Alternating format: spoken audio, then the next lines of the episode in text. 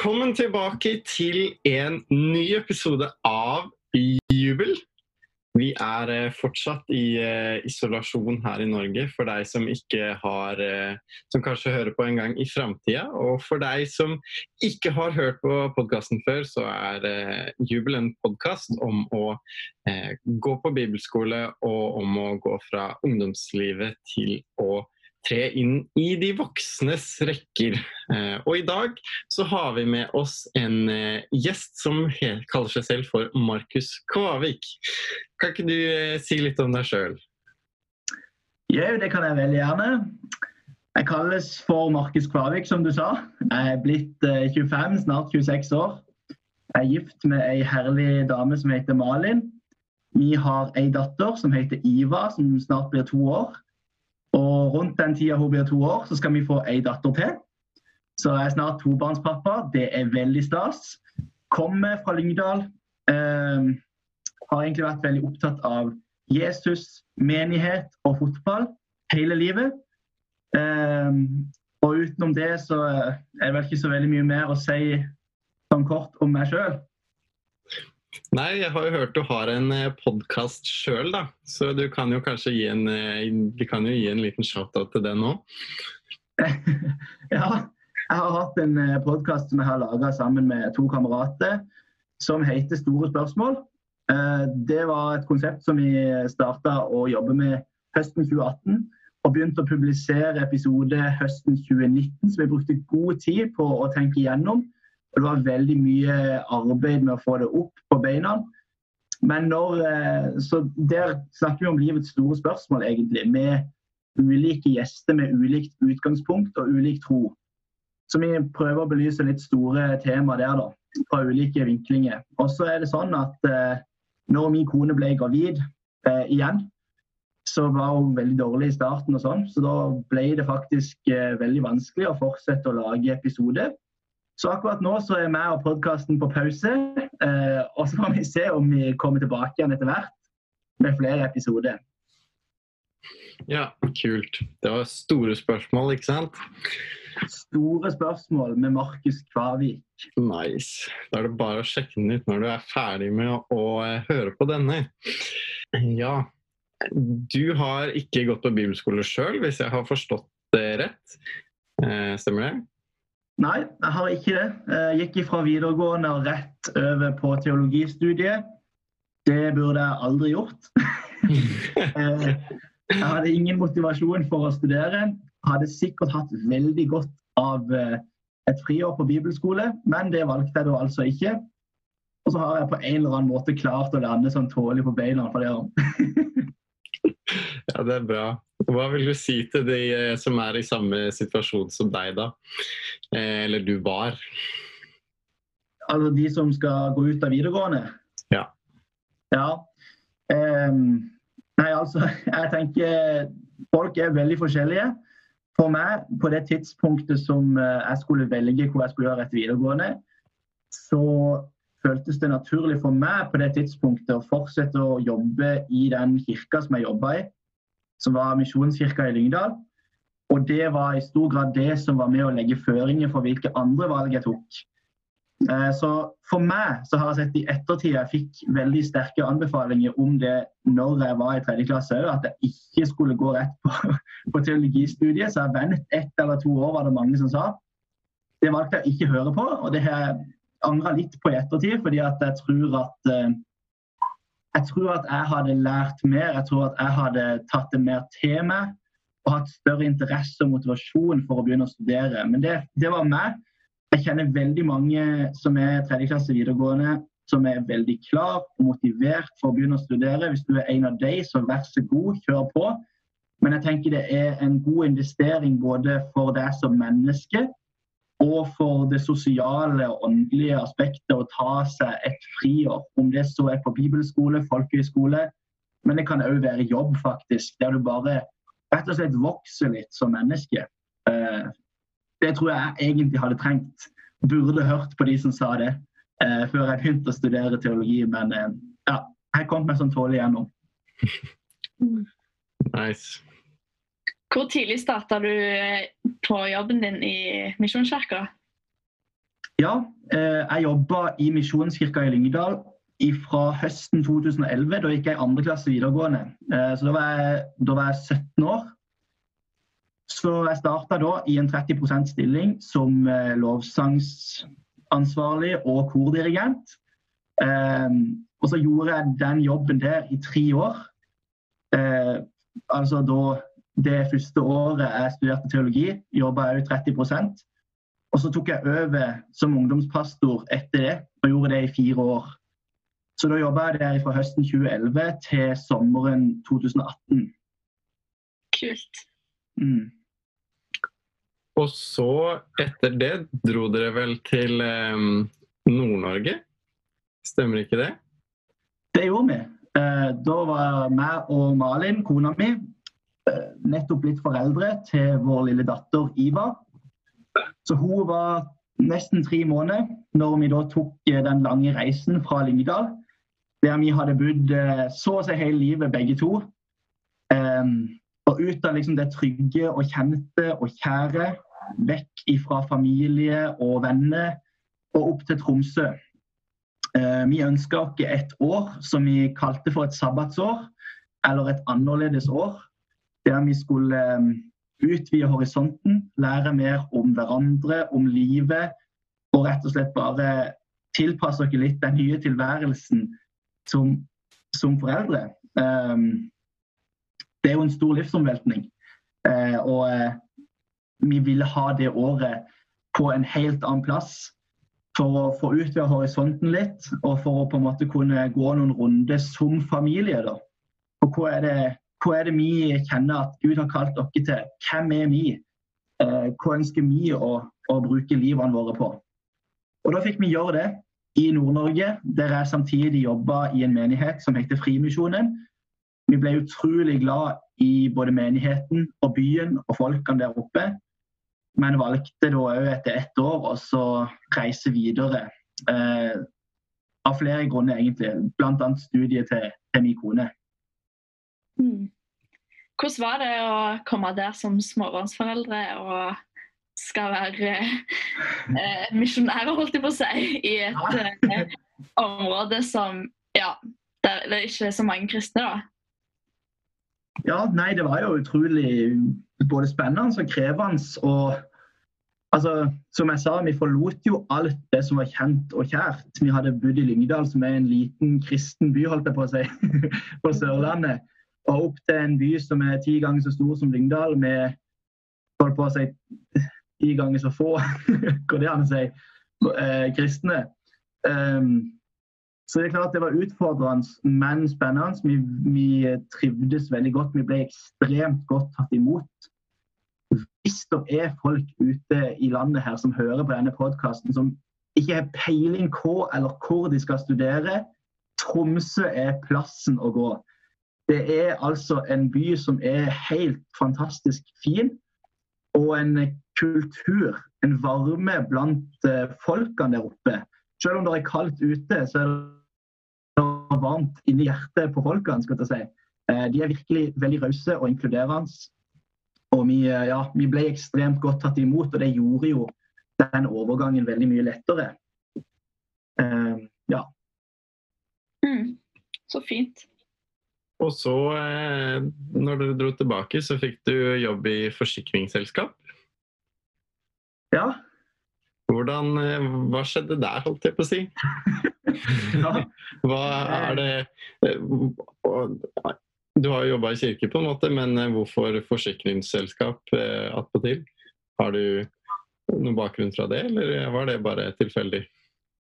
Ja. Um, nei, altså Det henger jo sammen med veldig mye. Det gjør det. Um, det året i Tromsø var et år som jeg sa, der vi ønska å bli bedre kjent med oss sjøl og med Gud, og på en måte sette litt retning for vår familie de neste årene. I løpet av den tida der så hadde jeg veldig mange krevende prosesser der jeg opplevde at jeg stilte meg sjøl en del spørsmål i forhold til hvem er det Gud har skapt meg til å være? Hvilke gaver har han lagt ned i meg? Hva er det jeg opplever at han har kalt meg til? Og hvem hvem er jeg? Hvem er vi som familie? Eh, masse sånne store spørsmål som, som bare svirra. Og jeg opplevde at jeg, jeg, ble på en måte utfordra på det. Og eh, en av de tingene som skjedde da, var at jeg fikk en ny på en måte opplevelse eller en, en annen forståelse av mitt kall, eller min kallsopplevelse, som jeg hadde da jeg var 15 år. Da jeg var 15 år, så opplevde jeg at, at Gud eh, la egentlig tre setninger på mitt hjerte. Og De tre setningene skjønte ikke jeg der og da at på en måte var et slags kall, men, men de har blitt med meg og har egentlig bygd livet mitt på de tre setningene siden det. Eh, men det som 15 år gamle Markus gjorde i tillegg til å ta vare på de tre setningene, det var å tolke veldig masse rundt de setningene. Så du har de setningene helt isolert sett, og så hadde du min 15 år gamle forståelse av hvis jeg skal leve disse setningene, så må det se sånn og sånn og sånn, og sånn ut. Eh, også i løpet av høsten i Tromsø så skjønte jeg at vet du hva? Gud har f.eks. aldri sagt til meg at jeg trenger å være pastor. Jeg tror at jeg, at jeg kan være det. Eh, men jeg tror ikke at jeg må være det eh, for å leve i det som Gud har for meg. Og så gikk jeg veldig mye prosess eh, den høsten på det som går på kirke. Og fikk vel på en måte en slags troskrise rundt det som gjenger på kristnes evne til å organisere seg sjøl. og det gjorde alt i alt at jeg landa ned på at det er ikke rett for meg nå Eh, å lede en menighetsforsamling eh, når jeg sjøl har så mange prosesser som jeg tror at jeg skal gå i. da. Og som jeg opplevde at Gud eh, utfordrer meg på. Så da ble det naturlig å ta et steg tilbake og si vet du hva, akkurat nå så tror jeg ikke jeg skal være en pastor. Jeg skal fortsette å bruke nådegavene mine, jeg skal fortsette å være med i et fellesskap. Men jeg skal ikke lede en forsamling, for det er et stort ansvar i det å være en pastor. Og det kjente jeg at det, det er ikke sesongen for det akkurat nå. Og hvor lenge det skal vare, det vet jeg ikke. Og da var det litt tilfeldig at jeg havna inn i forsikringsbransjen, for nei, jeg har ingen erfaring med det fra tidligere. Jeg har ikke noe utdannelse. Jeg har en far som har jobba med det, som har vært flink med det. Eh, og han har på en måte hjulpet meg litt inn i, i det miljøet. da. Eh, og trives utrolig godt der. Jeg opplever at Gud bruker meg der. Og at eh, den jobben er med òg og gjør det mulig for meg å være en god pappa og en god ektemann. Som òg jeg opplever som en viktig del av, av uh, på en måte kallet mitt i den, i den uh, livsfasen som jeg er i nå. Det var et langt svar, men det var et stort spørsmål òg. ja, Nei, for det, det, var egentlig litt det vi hadde tenkt å gå inn på. Det med eh, opplevelse av kall, og hvordan, hvordan, det har sett ut i ditt liv. da. Jeg tror at eh, i, um, spesielt i liksom, pinse-karismatiske eh, kretser, så er det ordet kall det er veldig betydningsfullt, og det er veldig lada. Eh, men så får vi ikke helt tak på hva det egentlig er, tror jeg kanskje. Um, har du noen tanker om det? Hva, hva, er et kall, og hvordan ser det ut? Ja, altså Jeg tenker at kallet ligger egentlig i bunnen for oss alle. Alle mennesker er kalt først og fremst til Gud. Altså Vi kalles til å være hans barn, til å være Jesu disipler. Eh, og jeg tror at det som går på kall, og det, det tror jeg handler veldig mye mer om hvem vi er kalt til å være, fremfor hva vi er kalt til å gjøre. Eh, du snakka om i stad at vi på en måte reiste opp som misjonærer til Tromsø. Mens jeg opplever at vår familie, meg og Malin, vi lever mye mer misjonalt nå i Stavanger enn vi gjorde i Tromsø. Selv om det er færre prosentvis kristne der oppe, og på en måte større mulighet på den måten til å være med og, og, og, og se at mange blir frelst. da. Så er det jo, det hører med til historien at det er veldig mange i Sandnes-Stavanger-området.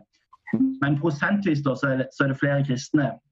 Eh, men så opplever jeg at det skjedde et skifte i oss, eh, som gjør at nå eh, lever vi mer misjonalt enn det vi gjorde der oppe. Eh, så jeg tenker at det med kall handler mye mer om hvem er jeg? OK, er jeg en misjonær? Lever jeg misjonalt? Eh, er jeg tatt imot den invitasjonen til å være Guds barn, til å være Jesu disippel, og at vi alle er kalt til det, og til å starte den prosessen av å bli i Gud har skapt dere til å være. For Når vi snakker om kall, så snakker vi veldig ofte om hva er du kalt til å gjøre. Eh, og så skal man sette seg mål for hva du skal oppnå, og hva du, Gud skal bruke deg til. Og man kan ha gode intensjoner og meninger med alt det der. Men så blir det veldig sånn oppgavefokusert. da.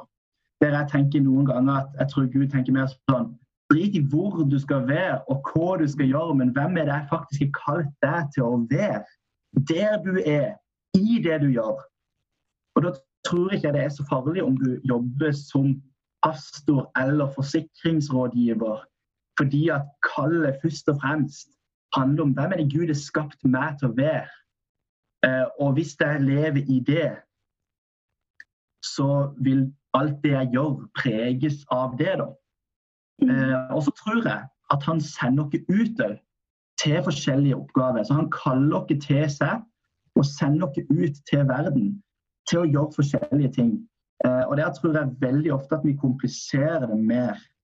At Gud, jeg, jeg tenker eh, at Gud er mye friere der enn det i hvert fall jeg i 15-16-17-18-årsalderen tillot han å være. da. Der jeg tenkte at Gud han styrer liksom han, han, vil at han skal si hva alle mennesker på hele planeten skal jobbe med. Mens jeg tenker egentlig i realiteten at jeg tror egentlig Gud er litt mer sånn OK, jeg kaller deg til å være mitt barn, til å være min disippel. Og så kan du jobbe med noe som, som, du er flink på, eller noe som du trives med, og som du er god på. Um, ja, uh, noen tanker om det, i hvert fall. Mm. Bra. Um, jeg tenker, jeg har inntrykk av at mange stresser med å finne ut av kall. Og at det, liksom, det ligger på deg at du skal finne ut hva kallet ditt er. Eh, men gjorde du det? Stressa du med å finne ut av kallet ditt før, eh, før du opplevde at du fikk det som 15-åring? Og hvordan så det ut eh, når du fikk det? Kom det liksom Eller forsto du det gradvis? Eller var det som en åpenbaring, liksom? Ja, nei, altså, Jeg stressa ingenting med det før. Altså, jeg tenker 15, Da er du ganske ung. da. Så takk og lov at jeg ikke stressa noe med det før det. Uh, og som jeg sa i stad, så skjønte jeg jo ikke der og da at det var et kall, på en måte. Og kanskje altså, På en måte så tenker jeg at det var en opplevelse av at Gud la noe på mitt hjerte. Uh, og om jeg, vil, om jeg vil kalle det for et kall, eller om det var tiltale til meg, på en måte. Altså det, det tenker jeg ikke er så veldig farlig i mitt spesifikke tilfelle. Da. Jeg har kalt det for min kallsopplevelse. Jeg opplevde at Gud la noen ting på mitt hjerte akkurat der og da. Eh, og så skjønte jeg det, som du sa, gradvis. Eh, det var noen, eh, noen, linjer som på en måte ble lagt på mitt hjerte, og som jeg har forstått mer og mer ut ifra å følge Jesus daglig sant? og ukentlig og årlig så, så, har det vokst fram i meg at jeg ser at de setningene som han la på hjertet mitt som 15-åring, de kommer mer og mer til syne i mitt liv.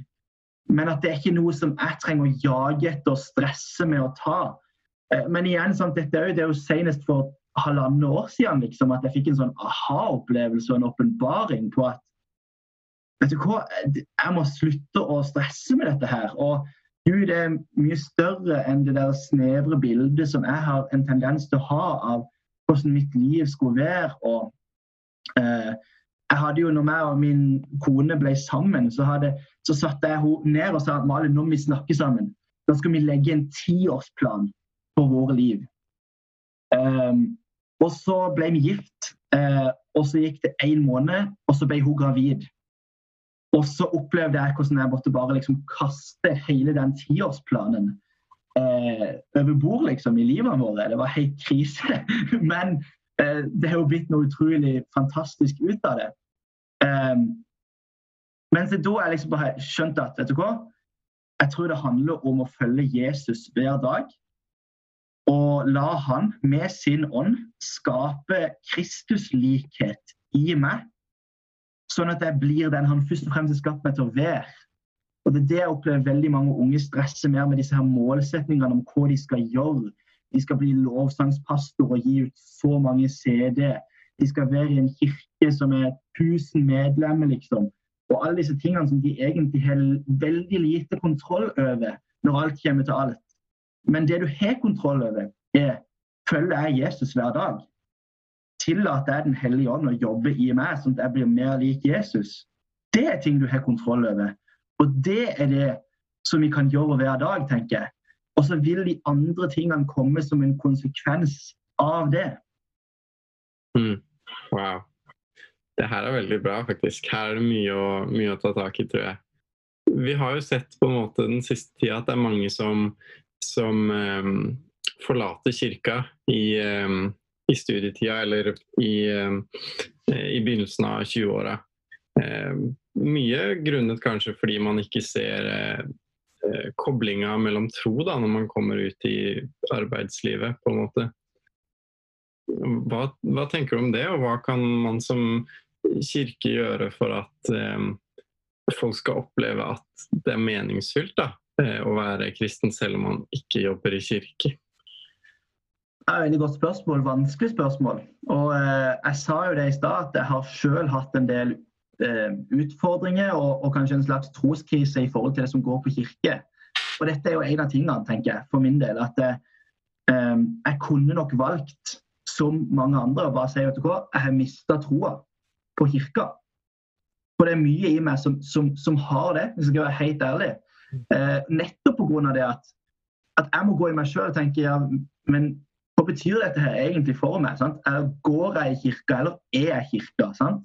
For Det er jo det det egentlig går på, at eh, hvis kirka blir en aktivitet som vi går i, men som ikke får lov til å prege noen andre deler av livet, eller om vi kan si kirka, eller om vi kan kalle det for troa.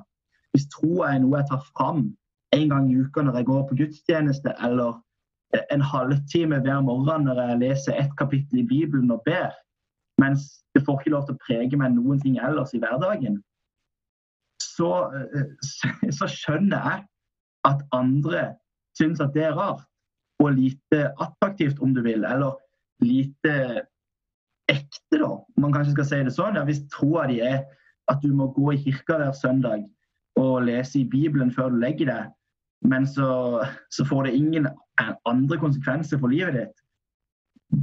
Det er ikke noe jeg er interessert i å være med på heller. Eh, det, det holder ikke for meg. Og jeg syns jeg ser litt for mye av det, egentlig, hvis jeg skal være helt ærlig. Eh, jeg tenker Jesus kom for 2000 år siden, og så sier han 'følg meg'. Eh, og da ber han ikke om å få lov til å være en liten del av livet vårt.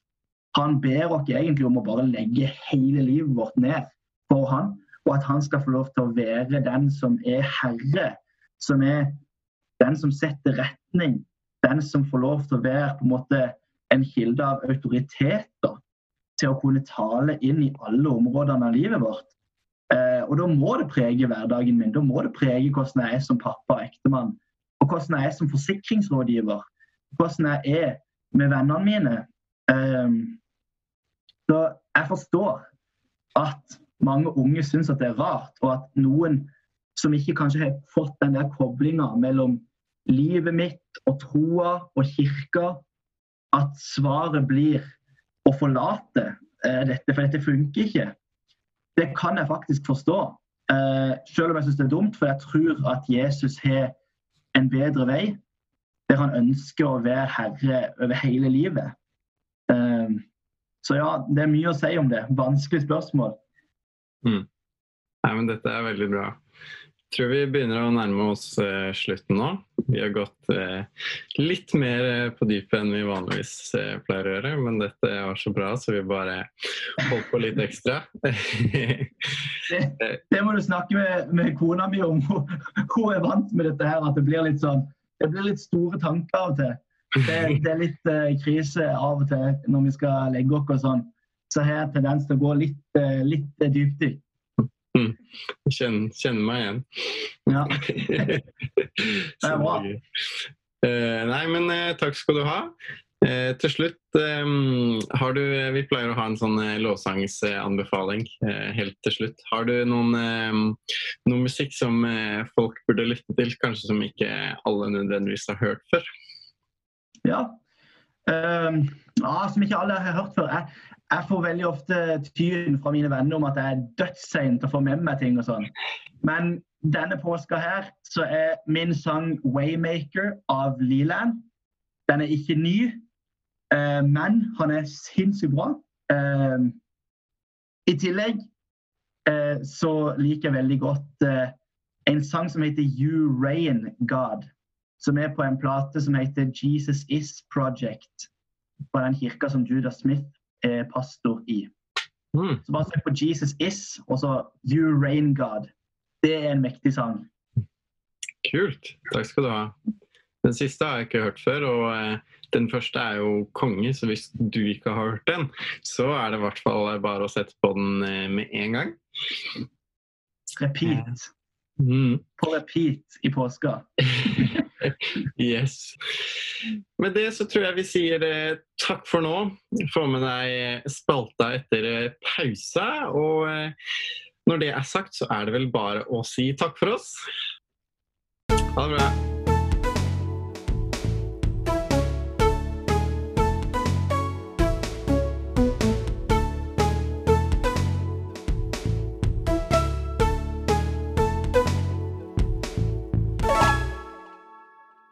Det er spaltetid igjen, og det er tid for The Shoutout!